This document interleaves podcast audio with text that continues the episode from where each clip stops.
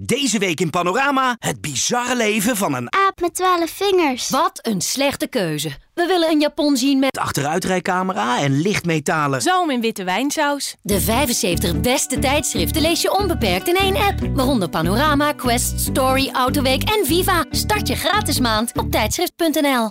Iedere week op viva.nl en nu ook als podcast een erotisch verhaal opgebiecht door een Viva-lezeres.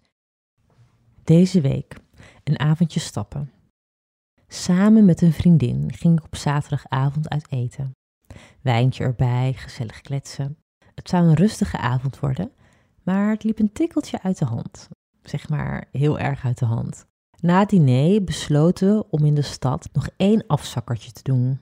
Ha, we weten allemaal hoe dat meestal afloopt. We zaten aan de bar toen mijn vriendin opeens een WhatsApp-berichtje kreeg van een oude scharrel die samen met wat vrienden in de stad was. Hij vroeg waar ze uithing en of ze zin had om te meeten. Mijn vriendin zag dit natuurlijk wel zitten en vroeg mij om alsjeblieft één drankje met de mannen te doen en daarna zouden we gewoon lekker naar huis gaan. Toen de mannen kwamen aanlopen, bedacht ik me dat het wel twee of drie drankjes zouden kunnen worden. Want ondanks dat hij totaal niet mijn type was, beviel een vriend van de scharrel mij absoluut wel. Hij pronkte veel te overdreven met zijn Gucci-riem en droeg een zonnebril, terwijl het al lang donker was. Maar goed, zijn knappe, vrolijke uitstraling won het van de twijfel en van mijn principes. Ik werd meegetrokken in zijn optimistische vibe en samen hadden we het al snel naar onze zin. De mannen stonden op de gastenlijst van een of andere chique club en hadden geregeld dat wij ook gratis naar binnen mochten. Oké, heel even dan, hoorde ik mezelf nog zeggen. Wachtend in de rij voor de club begon die ene vrolijke guy een jointje te draaien. Ik liet hem merken dat ik daar ook wel zin in had en samen liepen we de lange rij uit op zoek naar een donkere steeg. Om de hoek rookten we samen een jointje en ja, je raadt het al, niet veel later stonden we te zoenen. Het ging er gulzig aan toe. Zijn handen gleden naar beneden en hij trok mijn kont dicht tegen zich aan. Ik voelde hoe opgewonden ik werd en hapte naar adem. We konden moeilijk hier in dit steegje blijven, dus ik gaf aan dat we nu echt terug moesten naar onze vrienden. Ik veegde mijn natte lippen droog en probeerde mijn haren nog enigszins in model te brengen. Eenmaal binnen werden er in no time tientallen shotjes besteld en stond er een fles champagne op tafel. Totaal niet mijn ding, maar ik was er nu toch. Door de muziek hing er een heel gezellige sfeer.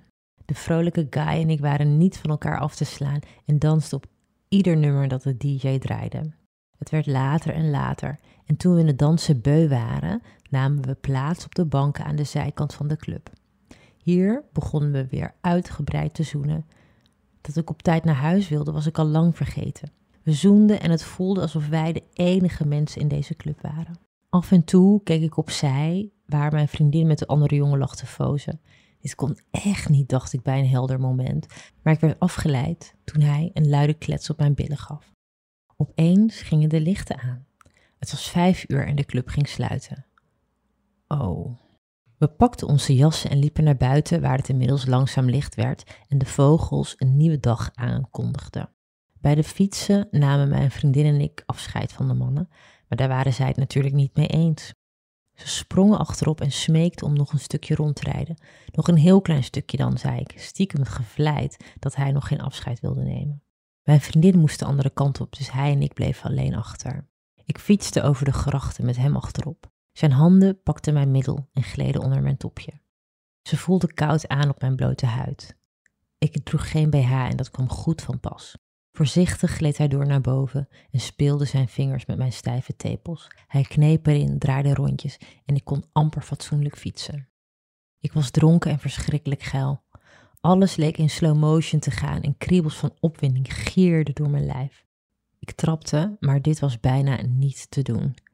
Mensen reden langs onderweg naar hun werk en keken ons vreemd en verward aan.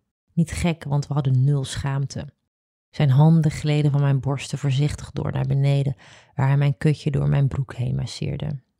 Ik werd opgewonden, maar langzaam ontstond er een gevoel van twijfel in mijn lichaam. Had ik wel zin in een one-night stand? Wilde ik hem wel mee naar huis nemen? Dan zat ik morgen de hele ochtend met hem opgescheept, terwijl ik totaal niets van deze jongen wilde. Vragen schoten door mijn hoofd en ik besefte opeens hoe ontzettend moe ik was. Toen hij vroeg om even te stoppen, omdat hij moest plassen, schoot opeens een evil idea door mijn hoofd. Ik wachtte af en keek hem na hoe hij dronken naar de struiken waggelde. Ik weet niet of het door de alcohol kwam of omdat ik gewoon in bitch mode was, maar toen hij stond te plassen, ben ik zo snel als ik kon weggefietst. Ik hoorde hem nog naschreeuwen, onbegrip in zijn stem. Maar de alcohol had mij egoïstisch gemaakt en zonder om te kijken fietste ik door naar huis. Vredig lag ik in bed, te moe om me schuldig te voelen. Ik heb hem nooit meer gezien of gesproken, maar goed ook, want deze man zal, wanneer hij me ooit tegenkomt, vast niet meer zo vrolijk en optimistisch zijn. Wil jij ook je erotisch verhaal delen met de rest van Nederland? Stuur je verhaal met maximaal 400 woorden naar redactie.viva.nl met Dirty Little Secret als onderwerp. De beste verhalen publiceren we op viva.nl. Nu in Nieuwe Revue, zon, zee En zoete aardappels met honingmosterd. Even opschuren en twee keer afvlakken met... Oom Donald, kwik, kwek. En een lekkere dikke Linda. De 75 beste tijdschriften lees je onbeperkt in één app. Waaronder Nieuwe Revue, Margriet, VT Wonen, Donald Duck en Linda. Start je gratis maand op tijdschrift.nl.